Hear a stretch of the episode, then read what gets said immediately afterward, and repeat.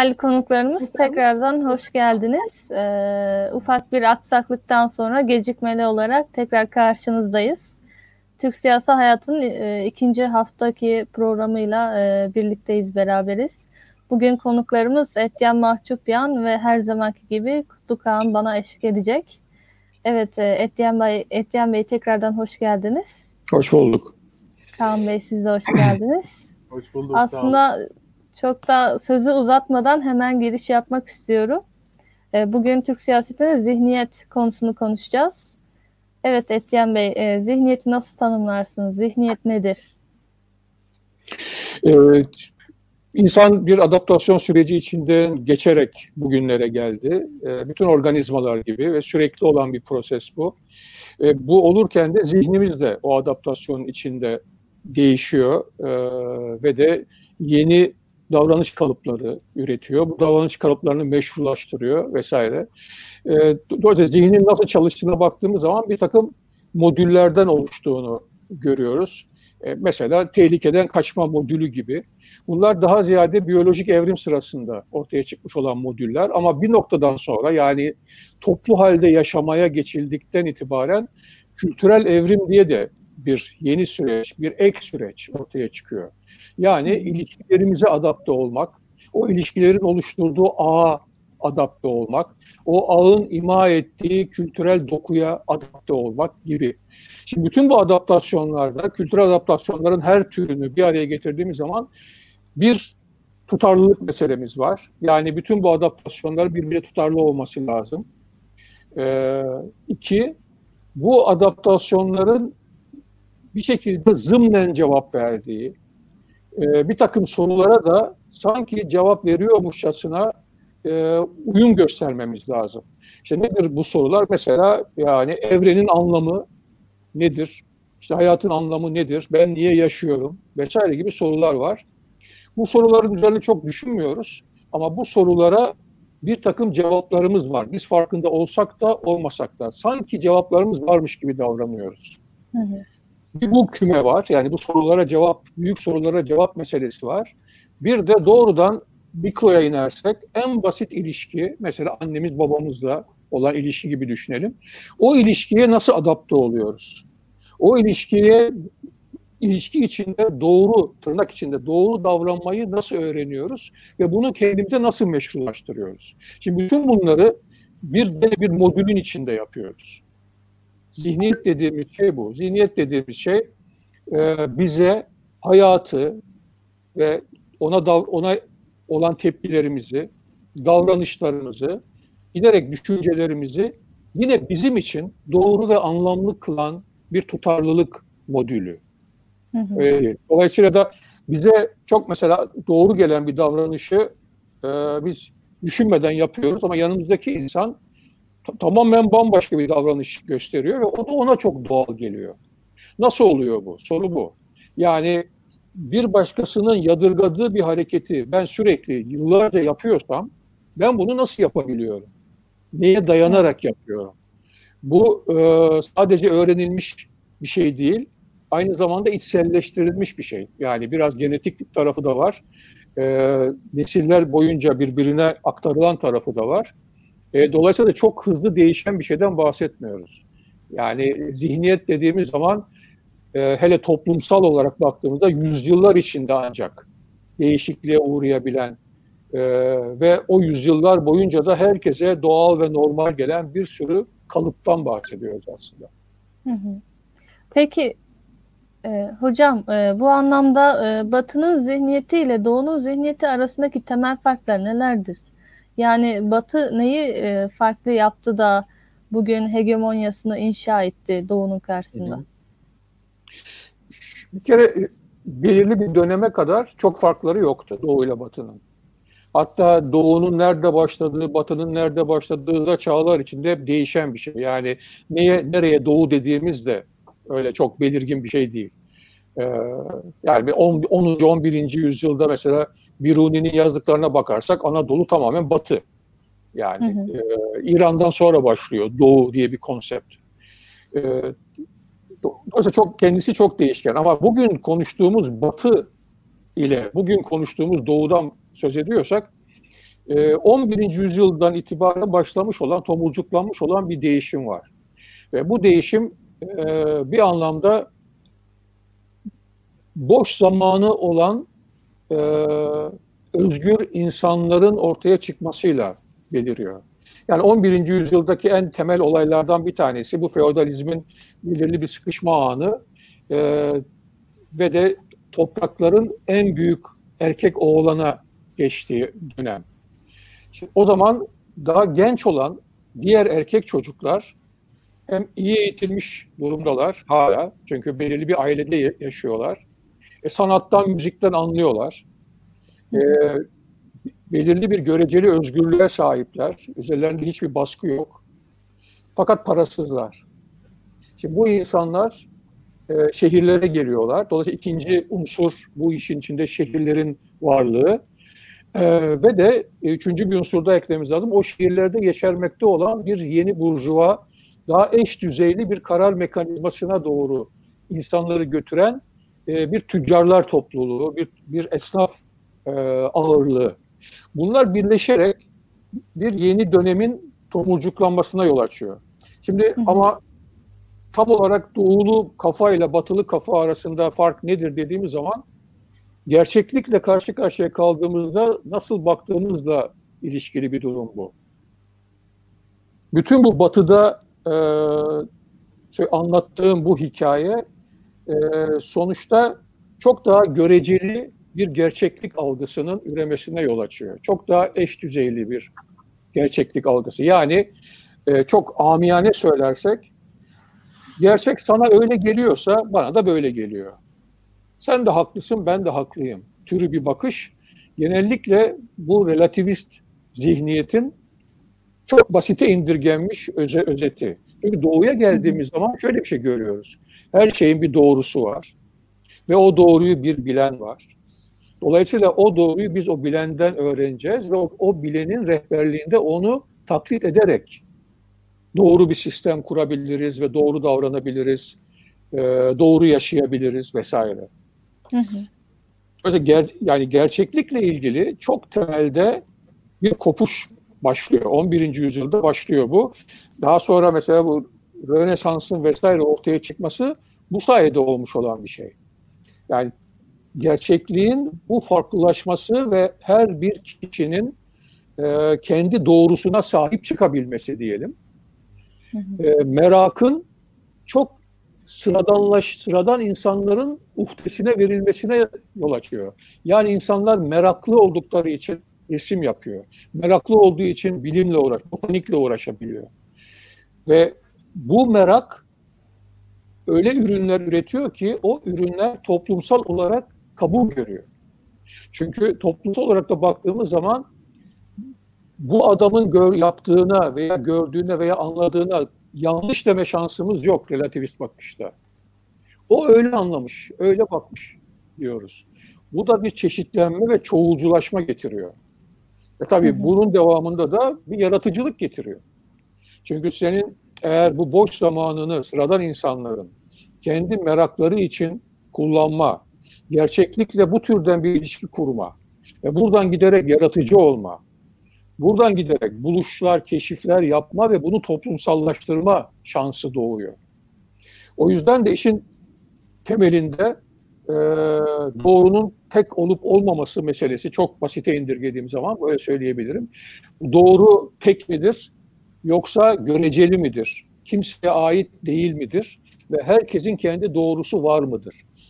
Bu ikinciye evet dedi Batı dünyası adım adım gelerek tabii yüzyıllar içinde yani bunun olgunlaşması ancak aydınlanmada falan tam olarak yani bir entelektüel dominans ancak aydınlanmada ortaya çıkıyor. Ama oraya kadar adım adım geliyoruz. E, çünkü dediğim gibi zihniyet öyle birdenbire eski bir zihniyet yok oluyor, yenisi geliyor gibi olmuyor. Yenisi tomurcuklandığı zaman eskiyle birleşerek bir sürü melezleşmelere neden oluyor. Öyle bakarsak işte Doğu'da da melezleşme olmuş durumda. Doğu da işte 200 sene önceki Doğu değil artık.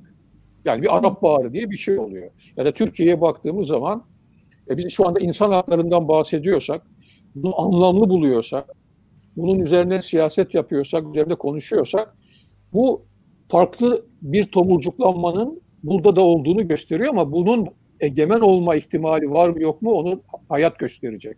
Onu tarih gösterecek. Ama şu anda hala baktığımız zaman benim gördüğüm şey e, hala doğu ve batı diye ayırt edebileceğimiz farklı zihniyetler şu anda mevcut. Her ne kadar gri alanlar ortaya çıkmış olsa da. Hı hı. Kutlu bir şey söyleyecek galiba. Evet, evet Kutlu Bey. Sizin yorumunuz nedir bu konuda? Relatif akılla aslında hocamız e, statik akıl yani durağan at, a, akılın arasında bir Evet, ayrım bu- yaptı. Durağan değil aslında. Yani dura, durağan değil. Hatta çok yoğun olarak o kendi tezini geliştirmeye, kültürleştirmeye de çalışıyor. Yani doğrunun tek olduğu, doğrunun bir yerde merkezileşmiş olduğu ve doğrunun o e, o tekliği taşıyan kişinin bizatihi kendi deneyiminden neşet ettiği anlayışı üzerinde edebiyat yap- yapılmış yani e, sanat yapılmış, tarih yazılmış. Yani durağan bir şeyden bahsediyor. Kendini sürekli yeniden üreten ama aynı zihniyet zemini üzerinden üreten bir mekanizmadan bahsediyoruz. Evet. E, sizin yorumlarınız, yorumlarınız nedir Kaan? Ee, Etiyen hocama öncelikle programa katıldığı için çok teşekkür ederim. Bir aksaklık yaşadık yayının başında ama e, sağ olsun ısrarlı çabalarıyla bizim e, programımızı yapmamıza e, imkan açtı. E, şöyle bir şey, Etiyen Bey e, son zamanda da yeni bir kitap yazdı insanı anlamak üzerine. E, orada da zihin, bilimsel zihin ve zihniyet üzerine sosyopsikolojik süreçleri de neuroscience ile birlikte ele alıyor. E, tabii böyle e, alanında kendi e, çabalarıyla katma değeri yüksek bir e, ürün ortaya koymuş bir insanın yanında benim sözlerim çok daha e, göreceli kalacaktır. Çok daha e, sınırlı ve mesafeli ve e, bir o kadar da temkinli olmak durumunda. E, o yüzden ben şöyle başlayayım en azından. Zihniyet e, e, insanın, e, ha- bireyin, e, komünlerin, toplulukların veya işte milletlerin, ulusların, e, cemiyetlerin her ne kadar bu halkayı büyütürseniz büyütün, e, olgular karşısında, hayatın e, yaşanan aktüel olguları karşısında e, nasıl düşünme biçimine sahip olduğu ve bu düşünme biçiminin aslında e, nasıl davranış kodlarına evrildiği ile alakalı. E, bunu belirleyen birçok etken var. E, bir defa işin içinde fizyolojik, tıbbi ve evrimsel süreçlerin getirdiği bir maddi e, belirleniş var. Bir de çevrenin sosyokültürel olarak insanın içinde bulunduğu toplumun, ailenin, çevrenin, iktisadi, sosyal, kültürel tüm bu tabakalarından e, bileşke ol- olarak oluşturduğu, inşa ettiği bir e, etkilenim var. Bunların hepsi e, aslında zihniyetin e, özünü oluşturuyor. Fakat e, burada e, biraz sonra sorduğunuz ve Etiyen hocamın da çok güzel izah ettiği mesele Doğu ile Batı arasındaki zihniyeti ayıran temel mesele nedir diye sorduğunuzda benim e, göreceli yaklaşımım şu olabilir. E, üzerine epey düşündüğüm bir konu bu benim. E, yani işte Batı bugün bu noktada ama biz niçin e, bu noktada değiliz? İşte efendim orada şu altyapı vardı, iktisat, sınıfsal rekabet, işte merkezi otoritenin olmaması, işte kilise ve feodal aktörlerin e, tabandan gelen çıkar mücadeleleriyle baş edemediği süreçler vesaire var. Evet bunların hepsi sürecin dahilinde. Fakat bu çok teknik ve e, tarihi e, açıdan e, meseleyi somut biçimde ele alan bir yaklaşım. Peki orada bunlar varken bizde bunlar neden yoktu diye sorduğumuzda yani bir katman daha derine gittiğimizde e, aslında e, meselenin e, zihniyetine doğru e, bir e, arayışa çıkmış oluyoruz. E, Benim orada gördüğüm temel şey de şu, çok kısaca özetlersem, aslında felsefi olarak işin can alıcı tarafı insan eşya ilişkilerinin nasıl konumlanacağı, nasıl belirleneceği sorusunda ve düğümünde yatıyor. Yani e, insan eşya ilişkilerinde Etienne Hocam biraz önce bahsettiği tüm bu batıdaki relatif merak, e, yaratıcılık, işte e, bir takım e, somut hayatın olgularının da teşviğiyle beraber gelişen süreç aslında eşyanın üzerindeki e, tüm kutsal ya da kutsal zırhına sığınmış e, bir takım hayatın dışından gelen tüm tasallutları, saldırıları kaldırmayı başarıyor süreç, süreç içerisinde. Bunu görüyoruz. E, fakat doğuda bu böyle olmuyor. Doğu insan eşya ilişkilerinde hayatın dışından gelen tüm aktörlere normatif, metafizik ya da e, ahlaki tüm belirlenimlere karşı e, eşyanın tasallutunu ortadan kaldıramıyor. Benim e, gördüğüm kadarıyla düğümlenme burada oluyor. Yani batıda e, insan eşya ilişkilerinde insanın hayatın iç aktüel olgularıyla, deneyimleriyle doğrudan baş başa kalması onu aslında yaratıcılığa sevk eden esas faktör. Fakat bizde zaten eşya kutsalın gölgesinde veya kutsal görünümlü normatif bir takım değerlerin gölgesinde bir yerde, korunaklı bir yerde durduğu için ona müdahale etme cesaretimiz de çok yok aslında. Sanırım mesele herhalde e, buradan filizleniyor diye düşünüyorum. İki nokta var. Ben yani iki, iki, iki noktada e, farklı nüans ya da sıralama e, var kafamda yani e, Kaan'ın söylediğine e, kıyasla. Bir tanesi zihniyet olayı önce düşünce sonra davranışta olan bir şey değil. Bilinç dışı olarak do- önce davranışları da ortaya çıkıyor, sonra bilinç tarafından meşrulaştırılıyor. Yani biz farkında olmadan zaten belirli bir zihniyet içine doğuyoruz ve onu zaten düşün, üzerine düşünmeden normal kabul ediyoruz. Ancak üzerine düşünüp yani bilinci devreye soktuğumuzda belki garipseyebiliriz. Üzerine soru sorabiliriz. Ya da şöyle şimdi yaptığımız gibi program yapabiliriz. Ama bu bunu düşünmeden yaşadığımız zamanın büyüklüğünü düşün, düşünürseniz, göz önüne alırsanız çoğu zaman aslında hiçbir şekilde e, üzerinde durmuyoruz ve doğrudan eylemlerimiz de ortaya çıkan bir şey ve bu da bilinç dışı bir adaptasyonun sonucu olarak ortaya ortaya çıkıyor. İkinci olay bu eşya, e, insan eşya ilişkisinin ben sonuç olduğunu düşünüyorum. Yani öncesi esas olay insan insan ilişkisi. Çünkü o insan insan ilişkisi bizim eşyaya nasıl bakacağımızı söyleyen şey. Eşyanın kutsallığını söyleyecek olan şey benim yanımdaki öbür insanla olan ilişkim yani. Eğer bu ilişkinin kendisi bir biçimde kutsallığı veya mesela hiyerarşiyi kendiliğinden anlamlı kılıyorsa o zaman o hiyerarşi benim eşya ile olan ilişkime de gölgesini vuracaktır. O zaman mesela ben bu eşyayla nasıl bir şey kuracağım diye sorumu gidip hiyerarşik olarak benden yukarıda olan kişiye sormak durumundayım. Ya da kültürel normlara bakmak durumundayım. Ve o normların dışına çıkmamaya gayret etmek durumundayım. Ki mesela doğuda genellikle böyle oluyor. O yüzden de mesela doğuda niye keşifler olmadı, niye batıda oldu dediğimiz zaman doğuda bu keşifleri teşvik edecek insan insan ilişkileri yoktu zaten. Çünkü yoksa biz daha aptaldık diye diyecek halimiz yok. Çok iyi bir örnek mesela batıda da İspanya ve Portekiz'in yaşadığıyla İngiltere ve Hollanda'nın yaşadığı arasındaki fark. İspanya ve Portekiz çok daha önce Amerika'ya gitti. Bütün o zenginliği getirdi. Buluş, yani bir sürü keşif yaptılar. Ama sonuçta onlardan yararlanamadılar. Çünkü o gelen servet ve altın çok daha doğulu vari diyebileceğimiz bir zihniyetin içine girdi. O zihniyet içinde şekillenmiş olan bir kültürde işlendi ve o zaman o gelen tonlarca altının ne olduğuna bakıyorsunuz. İşte İspanya'ya gittiğiniz zaman onları kiliselerde görüyoruz. Her tarafı altın yani kiliselerin. Ama Hollanda'ya gidiyorsunuz hiç böyle dışa dönük bir şekilde kullanılmış. O para başka şekilde kullanılmış. Ticaret filosu kurulmuş mesela. Evet. Yani o yüzden e, eşyanın kendisi bizatihi bize bir şey beni böyle kullan demiyor yani. Bize bir zihniyet önermiyor. Bize bir kültür de önermiyor. Biz o eşyayı alıyoruz ama kendi zihniyetimiz ve kültürümüz içinde ona anlam veriyoruz, ona işler veriyoruz ve onun üzerinden güç ilişkileri de üretiyoruz. Yani en son e, söylediği oydu e, Kaan'ın. E, ve bu, bu çok doğru. Yani sonunda fotoğrafa baktığımız zaman da en çok bunları görüyoruz tabii. Altta yatan ilişkileri çok biraz daha deşerek ancak görmemiz mümkün. Şöyle bir şey e, yaparsam herhalde ortak bir yerde buluşmuş olacağız hocam.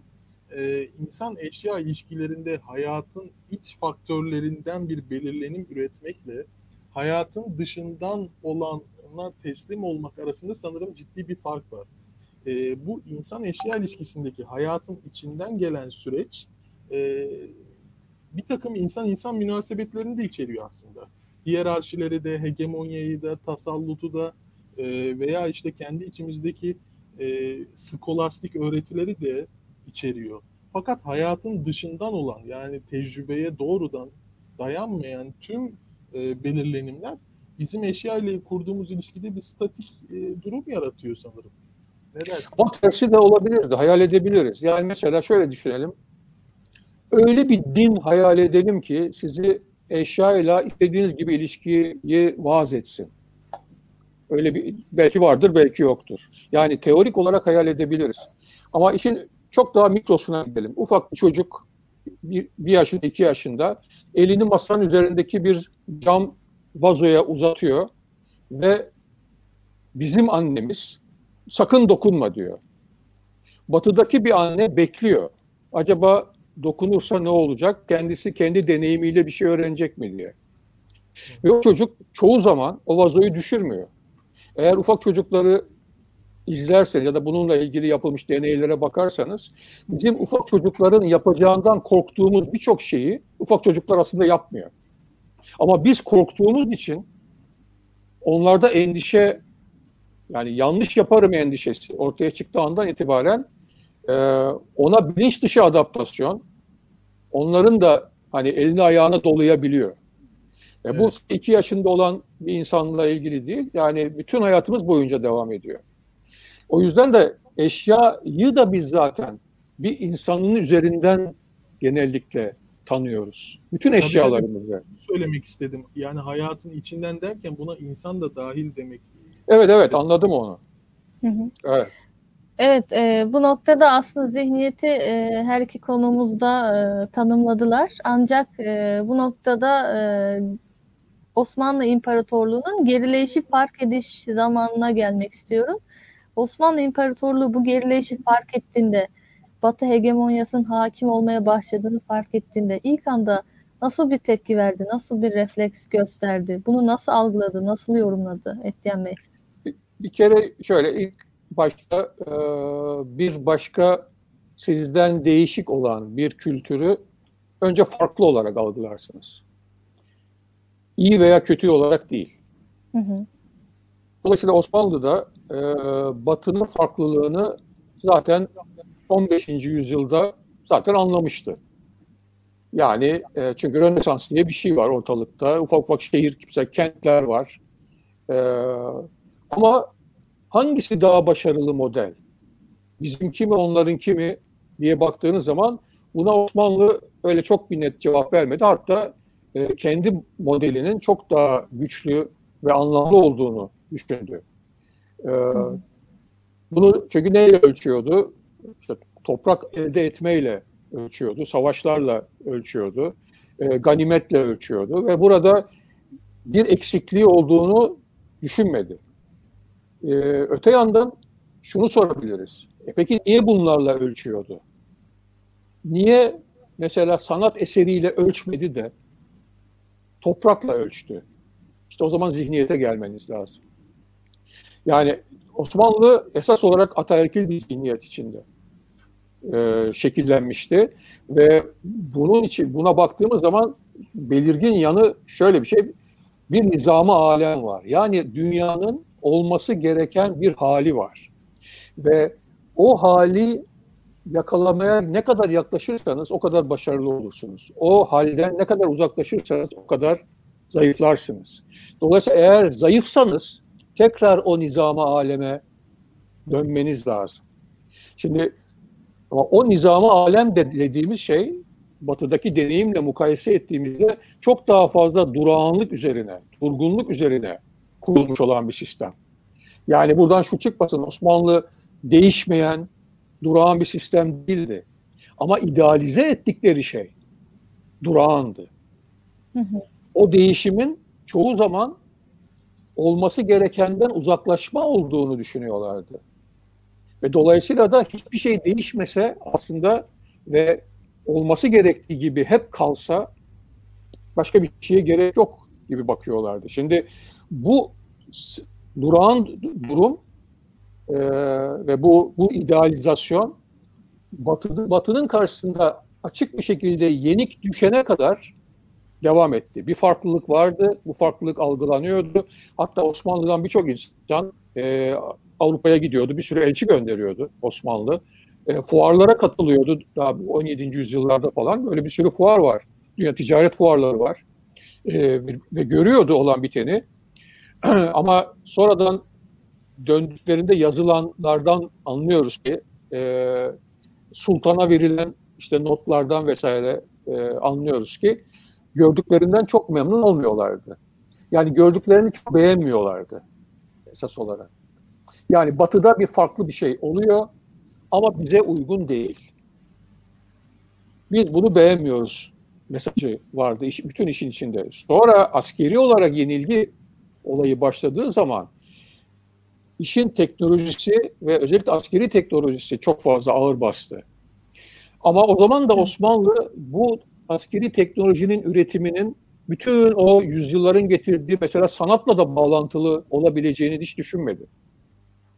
Esas bizim ihtiyacımız bu dönemde kendi ordumuzun yenilenmesiydi.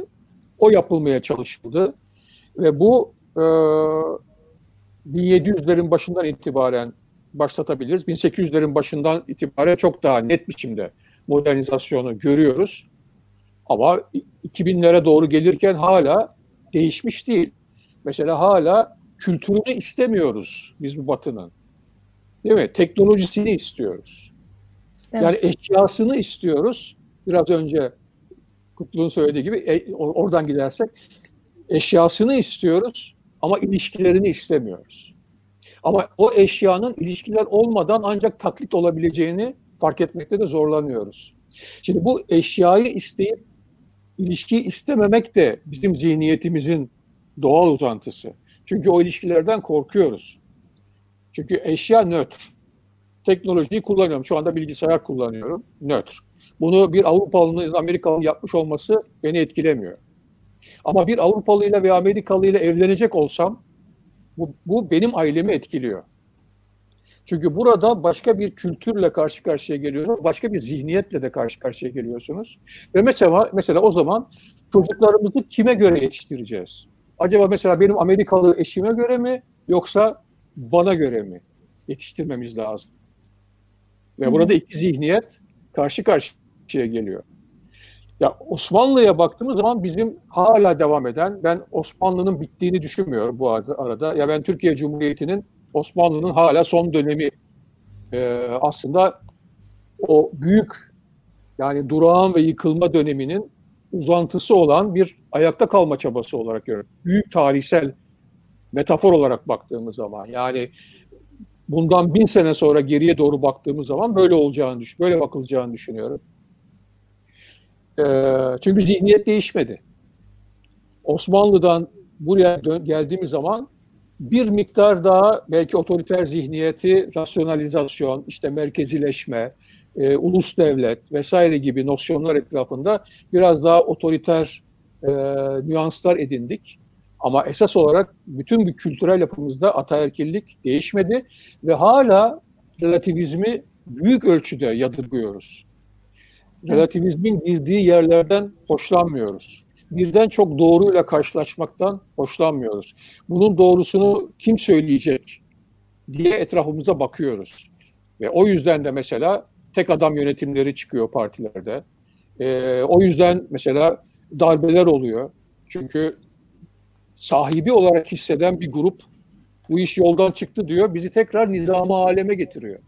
Yani Türkiye'deki bütün darbeler ordunun Türkiye hayalinin dışına çıkan siyasetçiler yüzünden oldu mesela ve darbe yapıldı tekrar geri döndürülmeye çalışıldı. Ama hiçbir zaman demokrasiye dönmüş olmuyoruz. Çünkü demokrasinin de ne olduğunu bilmiyoruz. Çünkü demokrasi de relativist zihniyet olmadan başlangıç yapamayacağınız bir şey. Yani çünkü demokrasi çok temel olarak şu demek toplu bir topluluğuz. Karar vereceğiz. Mesela burada üç kişiyiz bir karara bir karar vermemiz lazım. Bu üç kişi Hepimizin fikri ayrı ve sonucun ne olacağını baştan bilmiyoruz. Bunu işte oylama yaparak, relativist zihniyetteki oraya gireriz girmeyiz ama orada e, gelinen nokta e, her bireyin kendine has bir varlık olduğu, her bireyin e, kendine has gerçeklikle doğru bir ilişki kurduğu, dolayısıyla da hiçbir bireyi bir başka bireyle mukayese edemeyeceğimiz, dolayısıyla da ancak sayabileceğimiz, yani kaç kişi bu görüşte, kaç kişi bu görüşte. Şimdi böyle bir bakıştan e, her türlü sonuç çıkabilir. Toplumla ilgili her türlü kararı alabiliriz biz bu üç kişi olarak. Ama biz doğuda yani zihniyetin içinden baktığımız zaman bunu, bunu çok tehlikeli buluyoruz. Çünkü bu her şeyin olabileceği fikri doğrudan sapma ima ediyor bize. Çünkü bizim zaten bir doğrumuz ve olması gerekenimiz var. Ama batıda olması gereken yok. Batıda değişimin kendisi zaten size olması ne olacaksa onu söyleyecek ve hiçbir zaman mükemmel olmayacak. Yani buradan şunu da belki söyleyebiliriz. Bizim ataerkil dünyamızda erişilebilir bir mükemmellik durumu var sanki. Hiçbir zaman erişemiyoruz ama o bizim kabahatimiz. Uğraşırsak hep erişeceğimiz, erişecekmişiz gibi düşünüyoruz. Mesela bunu e, dindarlar arasında çok görürsünüz. E, mesela e, yani İslam en iyi, en büyük din ama kabahat Müslümanlarda. Evet. Müslümanlar bunu iyi yapamadığı için bir sorunu var. Ama aslında en iyisi bizde diyor Müslümanlar. Ya en iyi din bizde. Sadece onu uygulamak lazım ama biz maalesef uygulayamıyoruz. Şimdi bu en iyisi bizde dediğiniz anda bu artık dini bir önerme olmaktan çıkıyor. Bu aslında epistemolojik bir önerme. Yani bir şeyin en iyisi sende olabilir mi, olmayabilir mi? E, doğulu kafası ya da ataerkil zihniyet, evet en iyisinin bizde olması mümkün. Ben en iyisini tanımlayabilirim demiş oluyor. Ama batılı kafa ya da relativist dünya en iyisinin tanımlanamaz olduğunu söylüyor bize. Hatta en iyisinin anlamsız bir önerme olduğunu söylüyor. Evet. Çünkü herkesin başka bir fikri var. Buradan bir şey çıkacak. Olabildiğince iyi bir şey çıkacak diye umuyoruz. Ve de yanlış çıkarsa da düzelteceğiz diyor batılı kafa. Çünkü her an yanlış çıkabilir. Ya da yanlışı da nasıl, nasıl saplıyoruz? Kötü neticeler verebilir. Ama bizde tersi oluyor gene. Kötü netice verse bile biz esas idealimizi değiştirmiyoruz. O hala doğru. Biz, biz yanlış yaptık diyoruz ama bu da yetmiyor çoğu zaman. Bugün de gördüğümüz gibi siyasette başkası yüzünden yanlış oldu diyoruz. Batılılar bizi engelledi diyoruz. Şunlar şunu yaptı diyoruz. İşte bize nifak soktular diyoruz. E, savaşları niye kaybettik diye tarihe bakıyoruz. Bir sürü tarih kitabı Türkiye'de işte ihanetten bahsediyor vesaire. E, ama hiçbirisi bu işi Batılılar ya da kaybettik kim, kime kaybettiysek onlar bizden daha iyi yapmış arkadaş diyemiyor. Çok basit aslında bir savaş kaybetmenin nedeni. Ötekiler daha iyi becermiş yani bu işi. Hocam. Bu kadar basit. Evet. Tam da burada aslında şu soruyu eklemek istiyorum. Yani e, baktığımız zaman Kemalizm sanki e, bu Osmanlı'daki anlayıştan ziyade batıllaşmayı ve batıllaşma zorunluluğunu e, tam anlamıyla kabul etmiş gözüküyor. Burada olması gerekeni değiştirdi mi? Zihniyet yani nasıl e, bir evrim geçirdi burada? Evet, Kemalizm e, aslında böyle bir şey yapmadı. Öyle öyle başladı. Şimdi batılı kelimesinin ne oldu? Batılı kelimesi tabii batıda yaşayan insanlar, başka kültürler vesaire dolayısıyla e, yanlış anlaşılabilir. Onu çıkaralım, modernlik diyelim. Şimdi evet. modernliğin iki, iki ayağı var. E, modernlik bir zihniyet bileşimi. Çünkü bu relativist zihniyet gelip her şeyi kendi eline geçirebilmiş değil. Modernlik bir sentez. Bir ayağı relativist zihniyet ama öteki ayağı otoriter zihniyet. Yani bütün bu merkeziyetçilik, bütün bu ulus devlet idealizasyonu batıda da var. Ee, onun militarist yönleri, e, yani batının niçin çok doğal kolaylıkla mesela faşizme doğru gidebildiğini eğer incelersek orada o otoriter zihniyetin onlara onlara doğal gelen tarafını görebiliriz. Yani onların da niçin bunu yadırgamadığını, bugün niye batıda ırkçı partiler var dediğim zaman şunu sormamız lazım. Niye yadırganmıyor peki? Nasıl oluyor da onlara doğal ve normal geliyor ırkçı olmak? Ya da onlara ırkçı gelmiyor bu daha doğrusu onların terimleriyle. Çünkü orada modernliğin içinde bir otoriter zihniyet de var. Şimdi biz ne yaptık diye baktığımız zaman biz Batı'nın sadece bu otoriter ayağını üstlendik ya da beğendik ya da kendimizi doğru aldık. Ama relativist ayağını gene bıraktık. Yani Kemalizmin getirdiği meclis sistemi, anayasa, tek parti dönemi, yaptığı bütün reformlar vesaire baktığımız zaman neyi görüyoruz? Doğruyu bilen birisi var. Doğruyu bilen bir rehber. Ama bu dini bir rehber değil, seküler bir rehber. Ve bu doğruyu bilen seküler rehber halka ki o rehberin altında yer alıyor. Olması gerekeni öğretiyor. Bir hoca, bir öğretmen, talebe ilişkisi var. Dolayısıyla da buradan giderek devlet de halka öğretmen gibi bakıyor Türkiye'de. Devletle de bizim aramızda bir otoriter ilişki ve otoriter zihniyet bağlantısı var. O yüzden bizde kamusal alan son derece dar, son derece hiyerarşik. O yüzden bizde medya üflesen yok olacak kadar zayıf. O yüzden bizde iş adamları ağızlarını açamıyor. O yüzden bizde sivil toplum yok.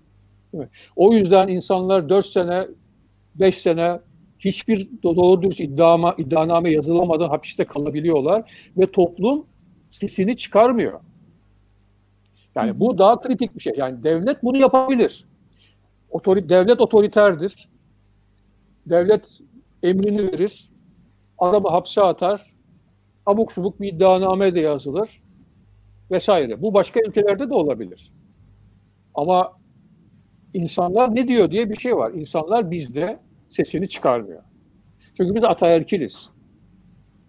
Çok daha basit bir e, yani örnek verirsek mesela niçin Atatürk'ün sözlerini her tarafa yazıyoruz. Hatta Atatürk'ün söylenmemiş sözlerini uyduruyoruz. Sanki söylemiş gibi duvarlara yazıyoruz. Bu ataerkil kültürümüzün çok apaçık bir göstergesi. Yani biz hala şu anda yaşamamakta olan bir insana bile biz senin peşindeyiz, senin izindeyiz, senin takipçiniz demek istiyoruz. Ama tabii bunu ona söylemiyoruz. Onun temsilcilerine söylüyoruz. Devlete söylüyoruz. Ama bunu bunu yaparken bir başka avantaj daha elde ediyoruz.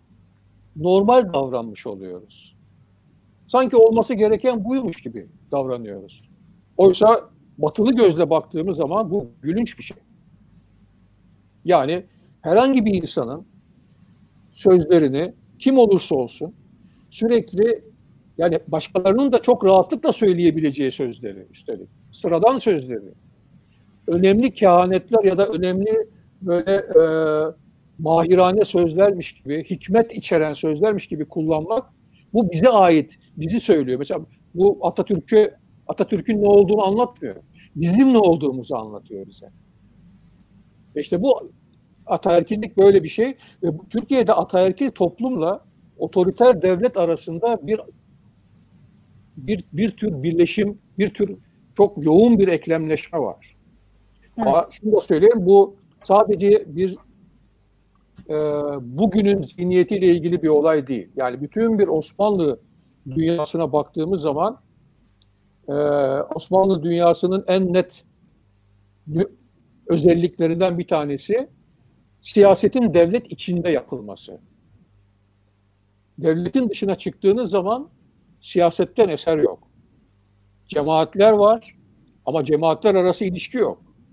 Yani siyasi bir kamusal alan yok. Ne yapıyorsunuz?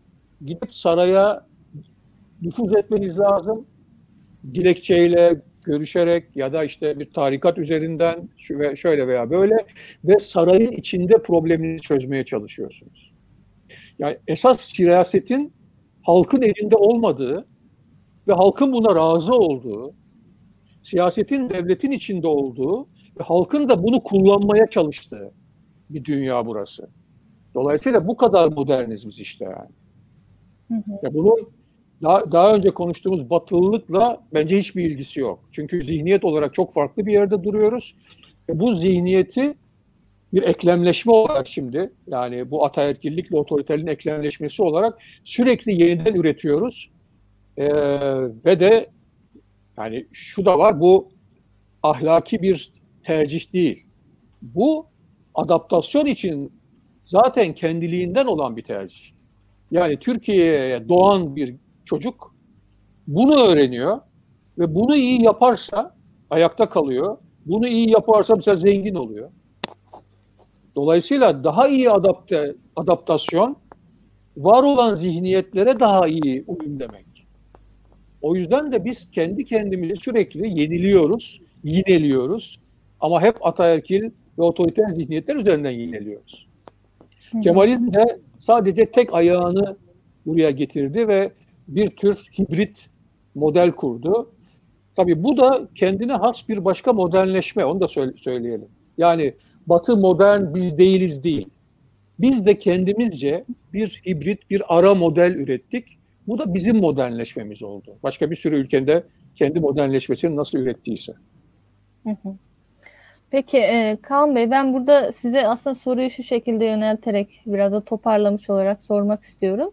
Yani Türk toplumunda ya da modernleşme sürecinde, zihniyetinde e, devletin konumlanışını nasıl yorumluyorsunuz? Ee, ben e, Etienne Bey'in söylediği ataerkillik konusunda ve modernleşmenin e, otoriter tarafının e, bizde çok daha yoğun işlediği konusunda hem fikrim. Buralarda bir itirazım yok.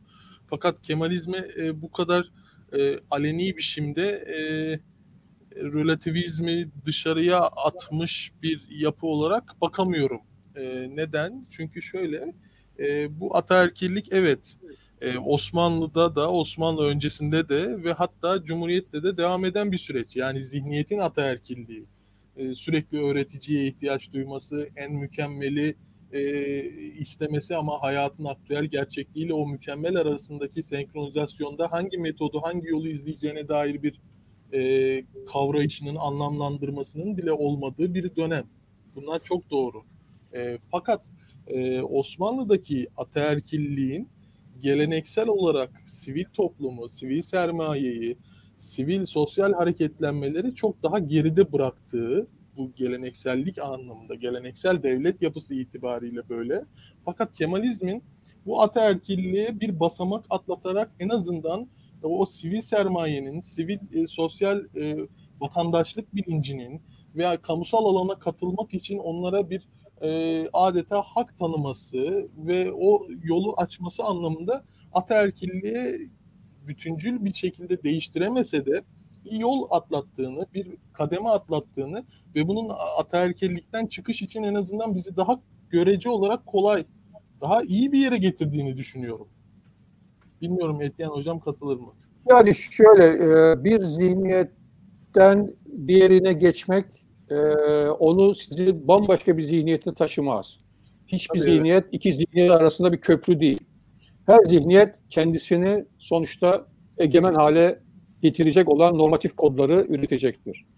Yani şimdi e, Kemalizmin ne yaptığına bakalım. E, karar mekanizmasına bakalım. Kararlar nasıl alınmalı? Nasıl alındı?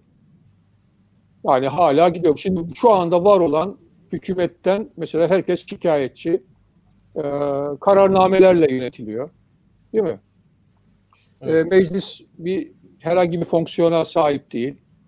E, bir cumhurbaşkanı e, var. O tek kişi, tek kişilik hükümet gibi davranabiliyor. Bütün kararları alabiliyor. Ve herkes otoriterliğinden şikayet ediyor. İyi de bu sistemi öneren sonuç olarak Devlet Bahçeli'ydi. Değil mi? Eğer siyasete girersek. Tayyip Erdoğan'ın kendisi değildi. Ve devletin içinde de buna itiraz eden olmadığı gibi toplum da bunu gene yadırgamadı. Ve buradan yani demokrasi çıkar mı? Yani bunu daha ileri götürsek, bu otoriterliği, buradan demokrasi çıkar mı? Ta hiç, hiçbir şekilde çıkamaz. Tam tersi yöne gider. Hatta şöyle söyleyeyim, belki de Osmanlı döneminde ataerkilliğin getirdiği bir tür demokratik nüve vardı. Çünkü din üzerinden itiraz mümkündü. Şimdi öyle bir şey de çok mümkün değil. Yoksa yani devletin kendi içinde karar mekanizmasına baktığımız zaman zaten bu. Ama bir adım daha gidelim. İdeolojik meselelere bakalım. Herhangi bir büyük temel meselede e, mesela Ermeni meselesi gibi, mesela Alevi meselesi gibi, Kürt meselesi gibi vatandaşın ne düşünmesi gerektiğini söylemek isteyen bir devletimiz var. Ve vatandaşlığı, vatandaşlığı, doğru vatandaşlığı bu söylem üzerinden belirleyen bir devletimiz var. Hukuk da böyle çalışıyor. Yani sana sen bu Türkiye Cumhuriyeti vatandaşı isen şöyle bakman lazım, şöyle düşünmen lazım, şöyle konuşman lazım diyen ve buna gene itiraz etmeyip bunu kabullenen ve öyle olmaya çalışan bir halk var bu devletin karşısında. Bunun getirdiği de çok kritik bir şey var. Bilgiye ihtiyacımız yok toplum olarak. Çünkü devlet biliyor, bize söylüyor. Devlet işaret ediyor, evet diyoruz. Mesela bugün Türkiye'nin dış politikası tartışılabiliyor mu? Türkiye'nin dış politikasının başka türlü olabileceğini söyleyen herhangi bir insan çıkabiliyor mu? Çünkü o devlet meselesi. Ve öyle olduğu anda tepedekilerin kararı zaten kendiliğinden kabul ediliyor. Tartışma dışı kalıyor. Ve biz genellikle bu konularda bilgi sahibi olmak da istemiyoruz. Çünkü bilgi sahibi olmamızın getireceği sadece hani e, frustrasyon var. Yani sıkıntı duyacağız yani biz bundan. Çünkü hiçbir işe yaramayacak. Etkileme şansımız olmayacak. Bilgi hikayesi, bu dediğim bilgi hikayesi yani bir toplumun bilgi sahibi olma arzusu ve de bundan uzak kalması zihniyet açısından son derece kritik bir şey. Yani Batı modernliğinde bu bilginin edinilmesi bir hak. Yani gizli bir şey yapamazsın çünkü sen onu buradaki vatandaşlar adına yapıyorsun. Ama Türkiye'de hiçbir zaman öyle olmadı. Kemalizm'de de öyle olmadı. Kemalizm bunu yapabilir miydi tarihsel olarak? Bu tabii açık uçlu bir soru ama bence yapabilirdi çünkü birinci meclis yapmıştı. Yani 1923'ten önceki meclis bunu yapabilmiş bir meclis üstelik Kurtuluş Savaşı varken yapabilmiş bir meclis. Şimdi dolayısıyla Türkiye'de gerçekten de bir gelişme var, bir değişim var, bir arayış var. Ama bu arayış e, ne Kemalizmden kaynaklanıyor, ne dinden kaynaklanıyor, ne devletten kaynaklanıyor. Bu tamamen dünyanın halinden ve dünyaya ister istemez entegre olmuş olan Türkiye halkının her yeni neslinin bunun bu, bu bunun parçası olma arzusundan kaynaklanıyor. Yoksa yani bu toplumdaki bu ivmeyi dışarıda bıraksaydık eğer ben e, Türkiye'nin yani herhangi bir umut verici tarafı olmayacağını düşünüyorum. Zaten yani olsaydı şu yaşadığımız bir sürü şey olmayacaktı. Değil mi? Yargıda olanları düşünün, siyasette olanları düşünün, medyada olanları düşünün. Yani şimdi bunlar nasıl oluyor? Bu analizi şöyle yapmamamız lazım. Bunlar birisi istediği için oluyor. Evet olabilir. Ee, devlet baskısıyla oluyor olabilir. İnsanlar korkuyor olabilir. Bir sürü şey olabilir. Ama bizim bunlara itiraz etme kültürümüz yok. Bizim bunlardan farklı düşünmeyi birlikte yapmak kültürümüz yok ve bir adım daha gidersek birey olarak tek başına buna karşı çıkmak kültürümüz de yok. Çünkü hem başımıza gelecekleri biliyoruz hem de yandaş da bulamayabiliriz. Takdir de görmeyebiliriz. O yüzden de aslında akıllıca davranıyoruz. Ve işin niyete dönük ama vahim tarafı bu. Biz akıllıca davrandığımız için demokrasi olamıyoruz. Çünkü akıllıca davranmak demek bu işe uymak, başına bir şey gelmeden doğru dürüst biraz para kazanmak, iyi bir işte ev kurmak, aile kurmak, ona çocuk yetiştirmek, iyi bir hayat yaşamak yani. Ve bunun da yolu bunun da yolu demokrasiye çok bulaş, bulaşma arzusu duymamaktan geçiyor. O yüzden de yani e, şunu söyleyeyim niyet olarak bir sürü insan bir sürü şey e, yapmış, getirmeye çalışmış olabilir. E, ben ya buna Mustafa Kemal de dahil. E, tabii ki. E, ama bence Tayyip Erdoğan da dahil. Yani burada insanların niyetleri kötü olduğundan bu iş böyle olmuyor. İnsanlar iş yapmaya başladıkları andan itibaren kendiliğinden oluşan, zaten taşımakta oldukları bir kültür var. Zaten inandıkları doğrular var. Zaten aceleleri var. Bu da çok kritik bir şey. Bütün bu doğu toplumlarında yani otoriterliğin öne çıkmasındaki en önemli özel şeylerde unsurlardan biri- birisi yetişme, birilerine yetişmek zorunda olmamız. O yüzden de şu- o zaman şöyle düşünüyor. Ya şu, şu andaki Cumhurbaşkanı da öyle düşündü. Madem ki bir an önce yetişmemiz lazım ve madem ki ben doğruları biliyorum, o zaman tüm yetki bende olursa, ben doğruları yaparsam Türkiye bir anda zıpla Avrupa'ya yetişir. Teorik olarak öyle. Ve ondan sonra da ekonomide ne yaptı? Merkez Bankası'nda 100 milyar doları hiç ettiler. Çünkü doğruyu bilmiyordu. Ama o doğruyu bildiğini sanıyordu. Ama kabahat onda değil. Etrafındaki insanlar, iş adamları, bürokratlar, üniversite hocaları hiçbiri bir şey söyleyemedi. Hiçbiri. Ve yanlış göz göre göre oldu. Şimdi bu Tayyip Erdoğan'ın yanlışı mı peki? Bu aslında kendi zihniyetini tekrarlayan ve bu zihniyetin içinden çıkamayan bütün bir toplumun kendi eliyle ürettiği kendi kaderi. Çünkü kendi zihniyetin üzerine düşünmezsen ve onunla yüzleşmezsen, onu karşına almazsan buradan çıkış yok. E bunun da maalesef e, siyaset üzerinden yapılması gerekiyor Türkiye'de. Çünkü Evet. tarihsel olarak sivil toplum çok zayıf, medya çok zayıf, üniversiteler çok zayıf vesaire. O zaman e, ya Kemalizmin de avantajı oydu dönersek biraz önceye. Çünkü si- siyaseti ele geçirdiğiniz zaman gerçekten bir şeyler yapma şansınız var. Ama bu bir şeyler yaptığınız, yapacağınız şeyin zihniyet bağlamında analizini yapmazsanız, eleştirisini yapmazsanız, kendinizi zihniyet olarak aynaya tutmazsanız yanlış yaparsınız. Ve e, Türkiye'de aslında yani e, şöyle bir söz var çok doğru. Türkiye aslında sürekli kaçan fırsatlar ülkesi. Yani 1920'lerde de bir fırsat yakalıyorsunuz, kaçıyor. 50'lerde yakalıyorsunuz, kaçıyor. 80'lerde yakalıyorsunuz, hani Özal diyelim, kaçıyor. 2000'lerin başında AK Parti ilk geldiği zaman yakalıyorsunuz. Ve hepsinde de bakıyorsunuz 15-20 sene sonra başladığınız yere dönmüşsünüz. Çünkü zihniyeti değiş, zihniyet üzerine yoğunlaşan bir bakışınız yok. Bir noktadan sonra kendi doğrularınızın cazibesine ve şehvetine kat, kat- kapılıyorsunuz çok açıkçası. Ve hepsi bundan muzdarip yani. Türkiye tarihindeki herkes. Herkes aslında birer mini sultan hani son kerteye vardığımız zaman ve biz de bunu yadırgamıyoruz toplum olarak. Evet, şimdi e, şi- hocam duyuyorsunuz değil mi beni? Biliyorum.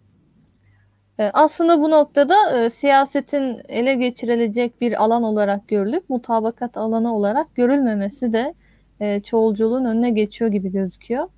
E, Doğru. bu noktada aslında çıkış yolu da nedir diye e, bir soru sormak istiyorum. Kaan Bey, siz de e, Etyen Bey'in cevaplarına ekleme yaparak ne demek istersiniz?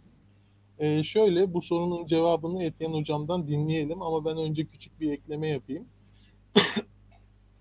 Şimdi Türkiye'nin e, krizden çıkabilmesi için, e, çoğulcu bir sistem inşa edebilmesi için ve sosyal hayatta Etyen Bey'in bahsettiği o yaratıcılığın, keşif ruhunun, relativizmin ve doğrunun aslında hayatın içinden doğrudan akıl ve tecrübeyle belki aranmasının e, yeniden e, filizleneceği belki Y ve Z kuşaklarının metropollerde bu değişimin küreselleşmeyle ve kentleşmenin hızlanmasıyla beraber filizleneceği bir e, şey görüyorum, umut görüyorum ben. Fakat e, bu umudun aslında e, destekleyecek parametreler ortada gözükmüyor. Yani Y ve Z kuşaklarında bugün muhalif yerel yönetimlerde de kendini gösteren itiraz kültürü, otoriteye itiraz kültürü, hukuk, refah, demokrasi ve özgürlük gibi ideolojiler üstü bir e, kamusal payda beklentisi e, var.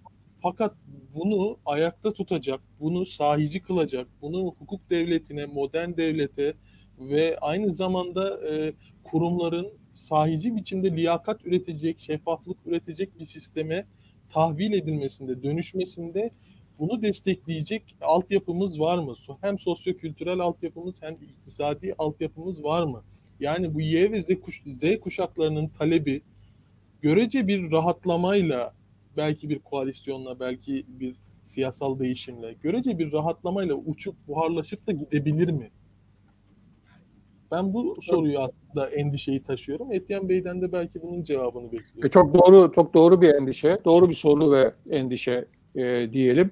Aslında hatta doğru bir umut, doğru bir soru ve doğru bir endişe de diyebiliriz. E, çünkü evet bu şimdi yeni kuşaklar meselesi kendi başına bizatihi hiçbir şey ifade etmiyor aslında. Yani ille de yeni kuşak bir şeyi değiştirecek değil. Ama bugünün küresel dünyasında yeni kuşak çok kritik bir şey. Çünkü Türkiye'yi değiştirecek olan şey çevresine değiş çevresindeki değişime adapte olma zorunda olması. Yani bir zorunluluk olmasaydı biz kendimizi hiçbir zaman değiştirmezdik. İstediği kadar Y kuşağı, Z kuşağı gelsin. Ama bugün küreselleşmenin içinde yaşadığımız için ve o dünyaya adapte olmak zorunda olduğumuz için mecburen değişmemiz gerekiyor. Ve bu değişim de tabii ki bu değişimi en çok isteyen ve en çok becerebilen üzerinden olma ihtimali çok kuvvetli.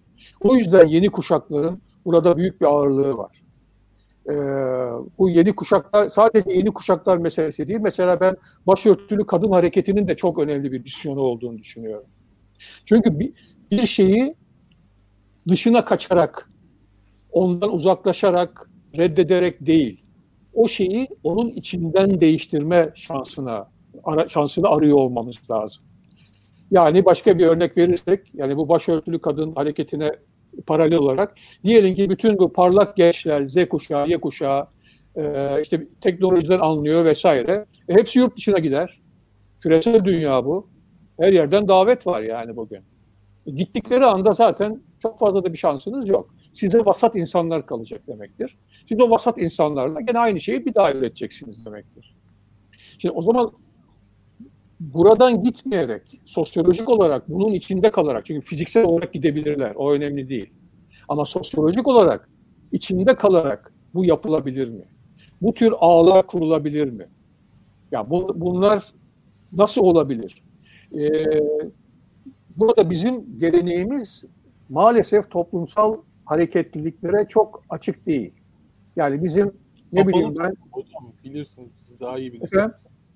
kapalı toplumun tüm özelliklerini yani alev alev taşıyoruz. Evet. Yani şöyle söyleyeyim mesela e, başka şey terör olayı e, PKK'da yaşadığımız olaylara benzeyen olaylar işte İspanya'da oldu değil mi?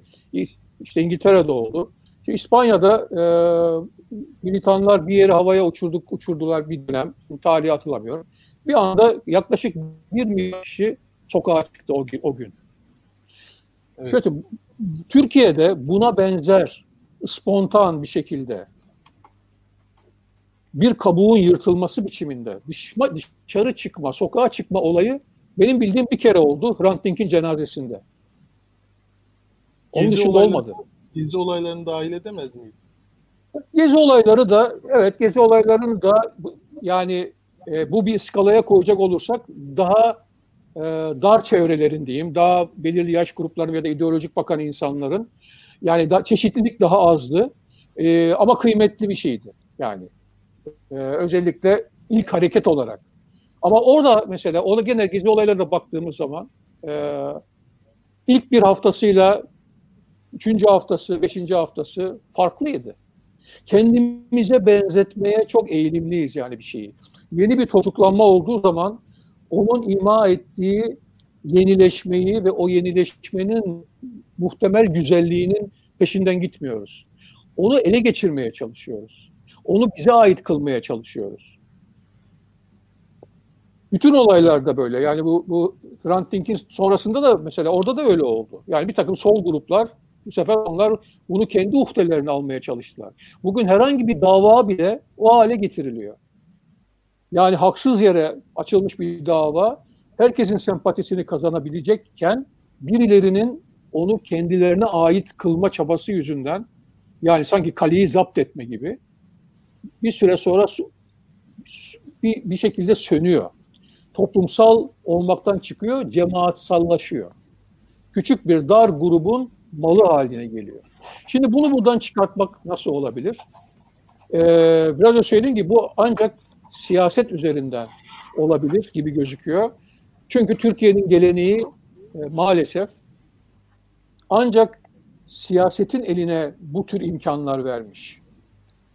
Peki ee, şöyle soralım hocam, şöyle soralım. Ee, siz biraz önce bahsettiniz yani siyasetin ve dolayısıyla devleti e, aygıt olarak elinde bulunduran e, iktidarın, gücün e, bir takım kendi iyilik hareketleri, iyi düşünceleri, toplumun e, iyiliği adına ürettiği bir kurgu olacak. Bu kurgu içinde tıpkı Kemalizmin düştüğü belki mecburiyet gibi bir mecburiyete devleti ve siyaseti kullanacak. Peki Doğru. bu toplum relativizmi nasıl ortaya çıkarabilir? Evet yani burada işte sürekli böyle devam mı edecek yani devletin e, bir güç merkezi, bir cazibe merkezi olarak kendinden olmayan herkese bir tahakküm aracı olarak kullanıldığı bu döngüye biz mahkum muyuz? Yani bir kere şunu görmemizde yarar var. Çok çok uzun sürebilir bu durum. Yüzyıllar daha sürebilir. İki diyelim. Mecbur kalmadıkça değişmez. Üç ama inisiyatif alınabilir ama bu inisiyatif baştan zihniyet merkezli bir bakışla olabilir. Mesela şöyle hayali bir e, siyasi parti düşünelim. Bu siyasi parti şunu demiş, diyor olsun. Ben tek başıma iktidar olmayacağım ve tek başıma iktidar olmak istemiyorum. Yüzde elliden fazla da alsam tek başıma iktidara gelmeyeceğim. Çok saçma bir şey. Bir sürü evet. insanın kulağına. Çok akılsızca da bir şey belki. Ama Türkiye'yi değiştirecek olan şey ancak böyle olabilir. Yani çoğul bakışı daha işin başında, daha iktidara dokunmadan, henüz güç araçlarını eline geçirmeden, henüz onun tadını almadan yapmaya çalışmak ve kendini sınırlayıcı kurallar koyarak bunu yapmak. Kendini buna mahkum etmek. Yani kendini başka bir şeye adapte olmak zorunda bırakmak. Çünkü sonuçta şöyle veya böyle adaptasyon süreci işliyor ve bilinç dışı işliyor. Dolayısıyla bizim e, belki yani bilinen bir şey beynimizin enerjisinin sadece yüzde beşi bilinçli düşüncelere hasrediliyor. Yüzde 95'i bilinç dışı evet. faaliyetlere harcanıyor. O yüzden de biz zamanımızın da yüzde 95'ini belki daha fazlasını bilinç dışı olarak yaşıyoruz ve davranıyoruz ve bu mesajlarımız karşıya gidiyor. Kendimizi sürekli kontrol etme şansımız da yok ve belirli bir zihniyete zaten sahibiz. Ancak birbirimizi kontrol ederek, dolayısıyla bir kendimizi çoğul hale getirerek bunu engelleyebiliriz. Ancak birbirimizin yanlışını aynı anda beraberce söyleyerek, ya bu siyaset içinde olabilecek bir şey ama bu bizatihi devrimci bir siyaset demek. Yani Türkiye'de devrim hani biliyorsunuz devleti ele geçirmek, devleti değiştirmek falan bunlar hiçbirisi devrim değil aslında. Tabandan bunlar aslında ya bunlar aslında aynı devleti bir daha kendi üzerinden yeniden üretmek yani. Esas hocam, devrim kendinizi değiştirmekle başlayan bir şey. Yani senin evet. devletle ilişkini değiştirmekle başlayan bir şey. Ama senin devletle ilişkini değiştirebilmen için senin siyasetle ilişkini değiştirmen lazım. Bu da senin öteki siyasetçiyle ilişkini değiştirmeni gerektiriyor. Ve bunu evet. yaparken de herkesin siyasetçi olduğunu görmeniz gerekiyor. Evet. Yani herkes potansiyel siyasetçi ise o zaman benim bütün insanlarla olan davranış kalıplarımın değişmesi gerekiyor. Şimdi ben bunu organize bir biçimde yapabilirsem, siyasi parti olmanın avantajı o. Ben bunu organize biçimde kurallarıyla yapabilirsem ve buna toplumu davet edebilirsem ve bunun önünü açık bırakabilirsem. Yani çok açık olarak söyleyelim. İktidar olmak olmamaktan korkmuyorum. yüzde 0,01 almaktan da korkmuyor diyebilen bir parti olması gerekiyor. Yani bunu biraz keyfine yapması gerekiyor. Bunu yapmanın büyük bir keyif olduğunu anlaması gerekiyor o siyasi hareketin. Liberal Demokrat Parti gibi diyorsunuz herhalde. Valla bilemiyorum. İsim vermek doğru değil. Ama herkes Hocam, kendisini bu burada görebilir. Ama çok zor bir iş. Hocam ben bir şey sorayım tam da bu noktanın üzerine sonra sözü Ayce'ye bırakayım. Ee, Türkiye'de siyasi partilerin özellikle gelenekle kurduğu ciddi bir ilişki var. İster sağdan ister soldan gelsin. İsterse merkezde olsun. Bu gelenekle kurduğu ilişkide de kendi anlam değer dünyasına müthiş bir güveni var. Yani gerek dini tarihe güveni var, gerek geleneğe güveni var, gerek örfe güveni var, gerek e, kimliksel aidiyete, mensubiyete güveni var. Her nereden üretirseniz e, oradan bir güven doğuyor. Bu siyasi partilerin bu kendinde olana aşırı güveniyle beraber bir de vatandaşın hukuk, refah, demokrasi gibi asgari standartların ötesinde ütopik, romantik hedefleri olan liderlerle de bu gelenek aslında bir şeyler e, dayatıyor topluma. Siz e, Gelecek Partisi'nde de aktif siyaset yapan birisiniz. Davutoğlu'nun, Davutoğlu hocanın, e, Ahmet Davutoğlu'nun e, bu gelenekle kurduğu ilişkide kendine e, mükemmel bir e, anlam değer dünyası e, aidiyeti e, olduğu ve o anlam değer dünyasından topluma bir romantizmle e, bir şeyler üretme kaygısını ben taşıyorum ve bunun aslında çok da e, zor bir e, durumla karşı karşıya bırakacağını düşünüyorum. Siz böyle düşünüyor musunuz? Yani insanların tek tek baktığımız zaman kendi e, değerleri yani var ve Türk siyasetinde bunu e, görmediğiniz herhangi bir parti ya da lider var mı yani? Yani ne aradığına bağlı, şey çizgiyi nereden çektiğine bağlı. Ee, tabii şöyle bir durum var. Yani bu son söylediğinden o zaman gideyim. Ee, çok lüks bir durumda değiliz. Hani e, pazara gittik ve her türlü meyve mevcut öyle bir durum yok. Türkiye ne çıkarabilirse onu üretiyor ve bu insanların da siyasete girme gibi bir, bir sorumlulukları da yok. Yani e, bu insanlar şu anda siyasette olan insanlar şu veya bu nedenle girmiş, ne hangi nedenle girmiş olursa olsun. Ben siyaseti bırakıyorum, eve, evime gidiyorum dediği zaman yapacak bir şey yok. Bu kendi iradesiyle seçilmiş bir şey, yapılmış bir şey. Dolayısıyla da var olan e, bugünün dünyası, bugünün konjonktüründe elimizdeki imkanların nasıl kullanıldığıyla ilgili bir meselemiz var. Türkiye olarak ve bütün vatandaşlar olarak. Ama bunu yaparken kendimizi yok olmaktan çıkaracak da halimiz yok. Yani e, sonuç olarak benim de değerlerim var, inandığım şeyler var veya yok e, aksine. E, yapma belirli şeyleri yapma biçimim var, beğendiklerim var, beğenmediklerim var vesaire var. Herkesin herkes için geçerli bu. E, ve lider için de geçerli. Şundan, şundan korkuyorum hocam. Kendi anlam değer dünyasını bir ütopya dahilinde topluma dayatacak bir potansiyel görüyor musunuz Gelecek Partisi'nde? Ya bu e, o seviyede alınacak olan bir mesaj değil.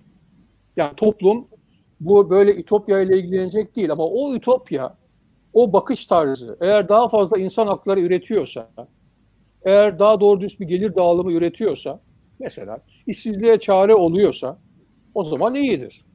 Toplum böyle bakar ve liderler de ve e, burada özel olarak sorduğu için Ahmet Davutoğlu da bu süreç içerisinde zaten değişerek devam etmektedir. Zaten de, insanlar değişiyor yani.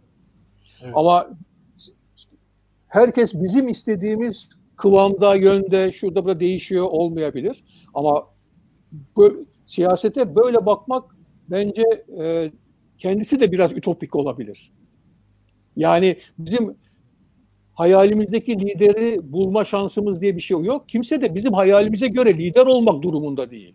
Yani adamın ne mecburiyeti var ki benim kafamdaki hayale uygun davransın yani. Adam kendi hayatını yaşayacak ve en buna da en çok hakkı olan yine kendisi. Yani sadece Ahmet Davutoğlu değil, bütün bu siyasetle uğraşan insanlar. E çünkü bütün hayatlarını buna veriyorlar. Bütün vakitlerini buna veriyorlar. Yani o yüzden de bizim yapabileceğimiz şey bu uyarıları yapmak, bu konuşmaları yapmak, buradan onların etrafındaki çemberin diyelim, çerçevenin genişlemesini sağlamak. Evet. Eğer onlar da bu genişlemeyi istiyorlarsa, yani ben burada Ahmet Davutoğlu lehine söyleyebileceğim şey o olur. Bunun sonuçlarını göreceğiz. Ee, şu anda gördüğüm kadar Davutoğlu o kendisini kuşatan çemberi ya da çerçeveyi sürekli genişletmek için zorluyor. Ee, bunu aldığı insanlarla yapıyor, edindiği fikirlerle yapıyor. Olmayacak insanlara diyelim, tırnak içinde olmayacak derken yani hak etmediği anlamında değil. Türkiye siyasetinin yadırgayacağı anlamında söylüyorum. Öyle insanlara değişik görevler verebiliyor ve çok fazla inisiyatif veriyor. Şimdi böyle bir liderlik iyi bir liderlik. Türkiye'nin bugünün dünyası koşullarına dünyasında iyi bir liderlik. Ama e, şöyle e, senin dediğini ataerkil zihniyetle arasına bir mesafe hissediyor musunuz siz bulunduğunuz partinin? Şöyle söyleyeyim. E, hepimiz birden fazla zihniyetin bileşimine dayanarak, iş yapıyoruz ya da hareket ediyoruz.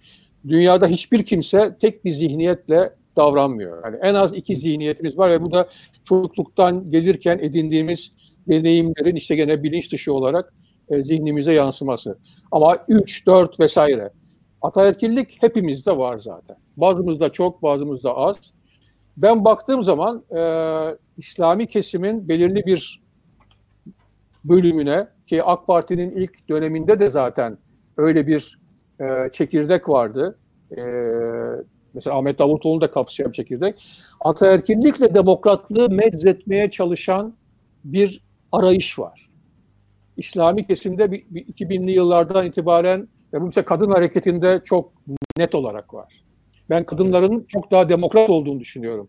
İslami kesime bak, baktığın zaman yani dindar kadınların da mesela ataerkillikten erkeklere göre çok daha uzak olduklarını düşünüyorum. Niye dindar kadınlar dedim? Çünkü din kendisi zaten ataerkilliğe oturan bir bir bakış. Ona rağmen bu kopuş var. O yüzden de e, gene senin biraz önce söylediğin gibi genç nesiller de bu anlamda çok daha rahatlar. Çünkü genç nesiller sadece İslami tarafta değil, e, laik tarafta da ama Kürt, Alevi taraflarında da gri, gri bir alan üretmiş durumdalar kendilerine. Nasıl bir alan? Bir kere çelişkilerle yaşamaktan gocunmuyorlar. Yani tutarlı olmak gibi bir derdi yok çocuğun. Orada öyle düşünüyor, burada böyle düşünüyor. Bu ikisinin arasında bir çelişki olabilir, zaman içinde çözülebilir. Ben şimdi canım böyle istiyor diyor. İdeolojik olarak bağlantıları zayıf, ideolojileri kendi hayatlarına uyduruyorlar. İster din olsun, ister sosyalizm olsun, ister başka bir şey olsun. Yani kendi evet. hayatını değiştirmeden o ideolojinin içinde kalabilir miyim diye bakıyorlar. Ve üçüncüsü, kendisine benzemeyenle ilişki kurmaktan hoşlanıyorlar. Ve bu çok çok önemli bir şey. Yani bu bir mecburiyet değil. Bu bir e, hayatın getirdiği ille de bir karşılaşma bile değil bazen. Bundan hoşlanıyorlar. Ve demokratlığın beşeri tarafı diyeyim, bu hoşlanma meselesi. Çünkü demokrat bir toplum tanısak da tanımasak da, beğensek de beğenmesek de, yadırgasak da başkalarıyla birlikte olmak isteği ne dayanmak zorunda. Öyle bir iradeye dayanmak zorunda. Yoksa herkes kendi cemaatine çekilirdi veya veya birileri işte doğruları koyar, herkes ona uymak zorunda kalırdı. Ama eğer demokratlığa doğru gideceksek bir kere bu hiç bazen hoşlanmadığım ve beğenmediğim insanlar da burada benimle ve benimle beraber burada olacaklar ve ben onlarla beraber yaşamak istiyorum demek durumundayız. Hı hı. E, bunu gençler çok daha fazla hakikaten söyleyebiliyorlar bugün. Bu çok önemli bir avantaj. Ve ben şöyle düşünüyorum. İlk baştaki şimdi yani bu, bu cevapları üreten soruya dönersek eğer küreselleşme devam ederse bir 30-40 sene daha, eğer Türkiye herhangi bir savaşa girmezse, bir fiziksel kapanma yaşamazsa ve hele mesela Avrupa Birliği ilişkisi açılırsa, dolayısıyla oradaki kanallardan daha fazla genç insanın karşılıklı iletişimi mümkün hale gelirse, ben birkaç nesil içinde Türkiye'nin kendiliğinden bir başka melezleşme üreteceğini düşünüyorum. Bu ille de batılı anlamda komple bir demokrasi olmayabilir. Ama bugünkünden çok farklı, çok başka kriterler üzerinde oturan ve bizi bugün hani görseydik çok daha fazla tatmin edebilecek olan bir e, durum olacaktır muhtemelen. Hı hı. Hocam e, son bir soruyla aslında yavaş yavaş bitirmek istiyorum konuyu. Bugün baktığımız zaman bütün muhalefet partilerinin gerek Deva Partisi olsun, gerek e, mensup olduğumuz Gelecek Partisi olsun, CHP'nin söylemlerinde olsun bir otoriter yönetime karşıtlık var. Ortak bir karşıtlık var ve şeffaflık vurgusu, e, demokratiklik vurgusu var. Bu anlamda da aslında e, çözüm olarak e, hep e, parlamenter sisteme dönüş sunuluyor pratikte. Bunun da anlamlı bir etki yaratabileceğini düşünüyor musunuz Türkiye'de demokrasi adına? Ya tabii yaratabilir. Yani çok açık bu çünkü şu andaki e, durum o kadar kötü ki e, bir kere buradan çıkılması lazım. Ama buradan çıkılırken geçmişteki o parlamenter sistemin de çok doğru çalışmadığını, evet. bunun da aslında yozlaştırılmış bir sistem olduğunu biliyoruz. E, o tuzağa da düşmeden bunun yenisinin üretilmesi e, tabii ki mümkün ve istenilir bir şey. E, örnekleri zaten çok sayıda dünyada mevcut olan bir şeyden bahsediyoruz. Yani böyle atla deve olan bir şeyden değil. Sadece istemek gerekiyor. E, toplum açısından baktığımız zaman bunun bizatihi kendisi bir sürü insan için çok önemli olmayabilir ya da bunun anlamını çok kavrayamayabilirler. Ama e, bunun en azından özgürlük alanlarını açacağı çok açık. Ve özgürlük alanlarının açılması demek ve daha eş düzeyli bir kamusal alan üretilmesi demek e, en azından şunu sağlayacak Türkiye'de akıllı insanların Türkiye'de kalıp Türkiye'de yaşamasını sağlayacak. Öyle diyeyim. Ahlaklı insanların Türkiye'de kalıp Türkiye'de yaşamasını sağlayacak. Hı hı. Ve bunun getireceği çok büyük avantajlar var. Çünkü sonuçta yaptığınız kadarsınız toplum olarak. Yani bir sıfır noktası aldığımız zaman bir batılı ülke ve Türkiye olarak aldığımız zaman sıfır noktasında herkes eşit. Ertesi gün kalkıyorsunuz ve bir şeyler yapıyorsunuz. Onlar da yapıyor, siz de yapıyorsunuz. Onlar 10, 10 dolar milli gelir üretiyor, siz 1 dolar üretiyorsunuz. Peki siz niye 10 dolar üretemeyesiniz ki? Evet. Hemen üretemeyebilirsiniz ama üretirsiniz. Ya da onlar çok daha iyi bir okul sistemi kuruyor. Siz gene hala 80 sene önceki şeyleri çocuklara yani yedirmeye çalışıyorsunuz tabiri caizse. Mecbur musunuz? Değilsiniz. Ama halkı böyle yönetmek istiyorsunuz devlet olarak. Problem bu. Ve o, o yüzden de şunu söyleyeyim. Devleti, devlet nosyonunu var olan, bugün var olan biçimde devlet nosyonunu ve bugünkü bizzat bir birebir devlet pratiğini karşısına almayan hiçbir siyasi parti Türkiye'de reform falan yapamaz. Ve eğer bir parlamenter yani güçlendirilmiş sisteme doğru gidilecekse bu da zımnen devlet nosyonunu ve devletin pratiğini muhatap almak ve onunla onu challenge etmek zorunda. Onu değiştirmek üzere onun onunla hani bir bir bilek güreşine girmek zorunda. Bu basit bir şey değil çünkü var olan sistemin içindeki insanlar ve ondan yararlanan insanlar bunu engellemek için her şeyi yapacaklardır. Şunu unutmamak bir... lazım. Şirket şirketlerde de böyle. Bir değişim süreci varsa kaybedecek olanların kayıpları kazanacak olanların kazançlarından daima daha fazladır. O yüzden de kaybedecek olanlar ölümüne direnirler. Kazanacak olanlar ise ne olacağı belirsiz bir şey için uğraştıkları için bir süre sonra vazgeçebilirler. Evet. O yüzden de bu iradenin çok net olması lazım. Hı hı. Evet. Ben bir şey ekleyebilir miyim? Tabii.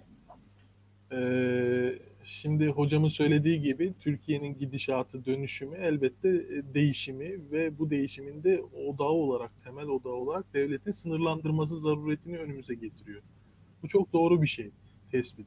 Ancak bu devleti sınırlandırma konusunda ben e, değişim talebinin, sosyal, kültürel tabandan gelen değişim talebinin de e, sahici mi yoksa formel mi yoksa lümpen mi olacağı konusunda endişeliyim e, yani e, devletle mesela simetrik olarak pazarlık edebilmek, toplumsal talepleri devletin karşısında dillendirebilmek ve o kazanımları hukuki, iktisadi ve politik bir e, kurumsal faydaya dönüştürebilmek çok kolay bir süreç değil.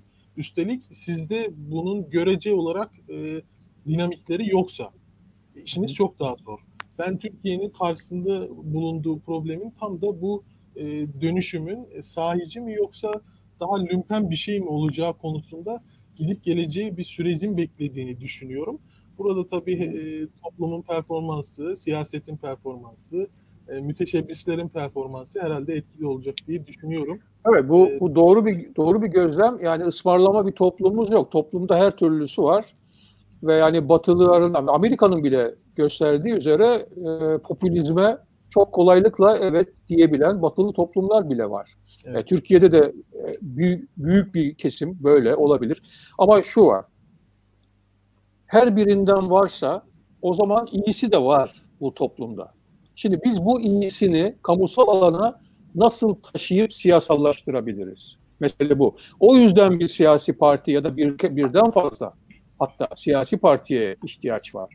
Çünkü bu siyasi partiler bunu isterlerse, bunun kıymetini anlarlarsa, bunun anlamını idrak ederlerse eğer yapabilirler.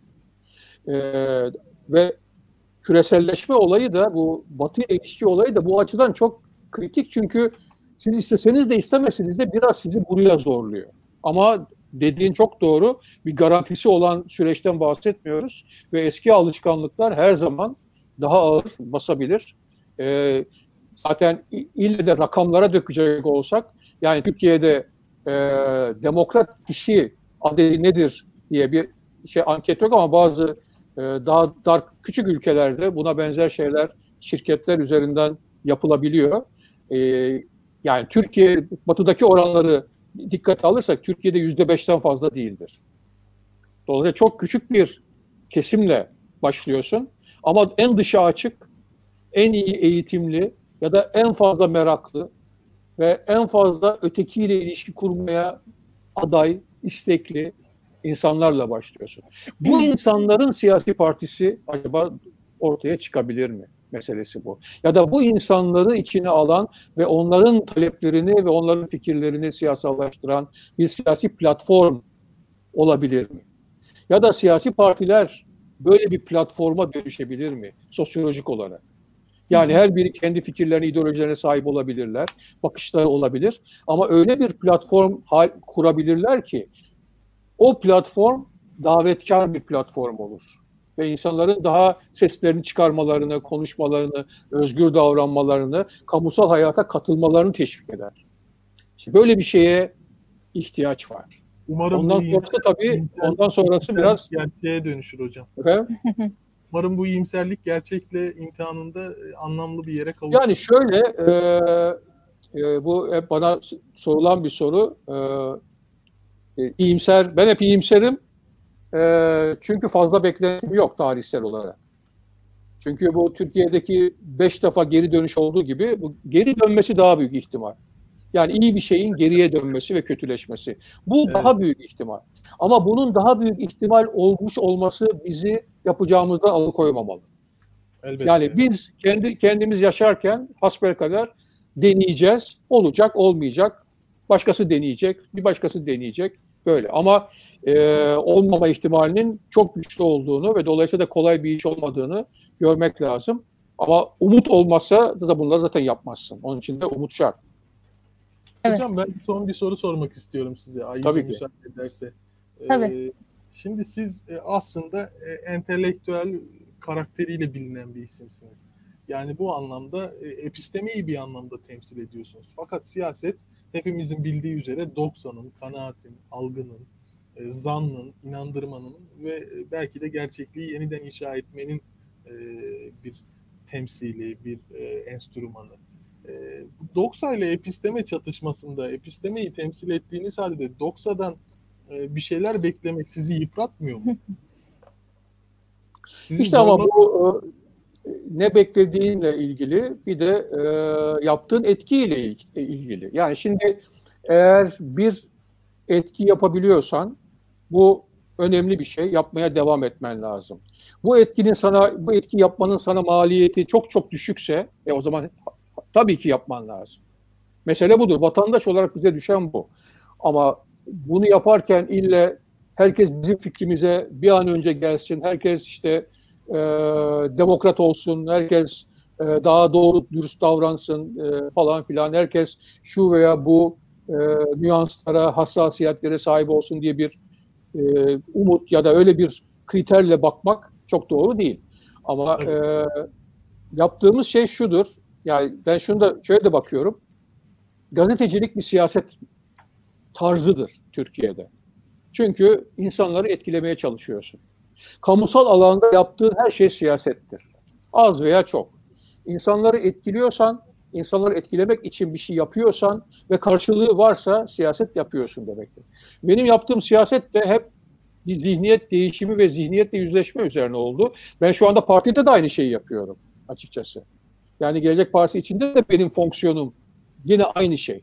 Yani Gelecek Partisi'nin zihniyetine nasıl bakıyoruz, nasıl bu, bu bakışımızın anlamı ne vesaire gibi konular.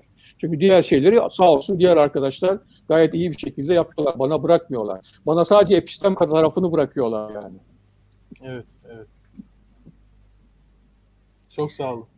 Çok teşekkür ederiz hocam. Ee, bir buçuk saatlik bir yayın oldu. Güzel, aktif ve e, sorgulayan bir e, yayın gerçekleştirdik aslında zihniyetimizi. E, bu anlamda çok teşekkür ediyorum. E, yayınımızın sonuna geldik. E, gelecek haftaki konumuzu duyurarak kapatayım. Gelecek hafta konuğumuz e, Taha Akyol olacak ve e, Türkiye'nin hukuk serüvenini konuşacağız. Gelecek hafta yine aynı saatte e, görüşmek dileğiyle diyorum aksaklıklar olmadan. E, hepinize çok teşekkür ediyorum. Bizleri e, paylaşmayı, videomuzu paylaşmayı, beğenmeyi, destek olmayı unutmayınız. İyi akşamlar dilerim. İyi akşamlar.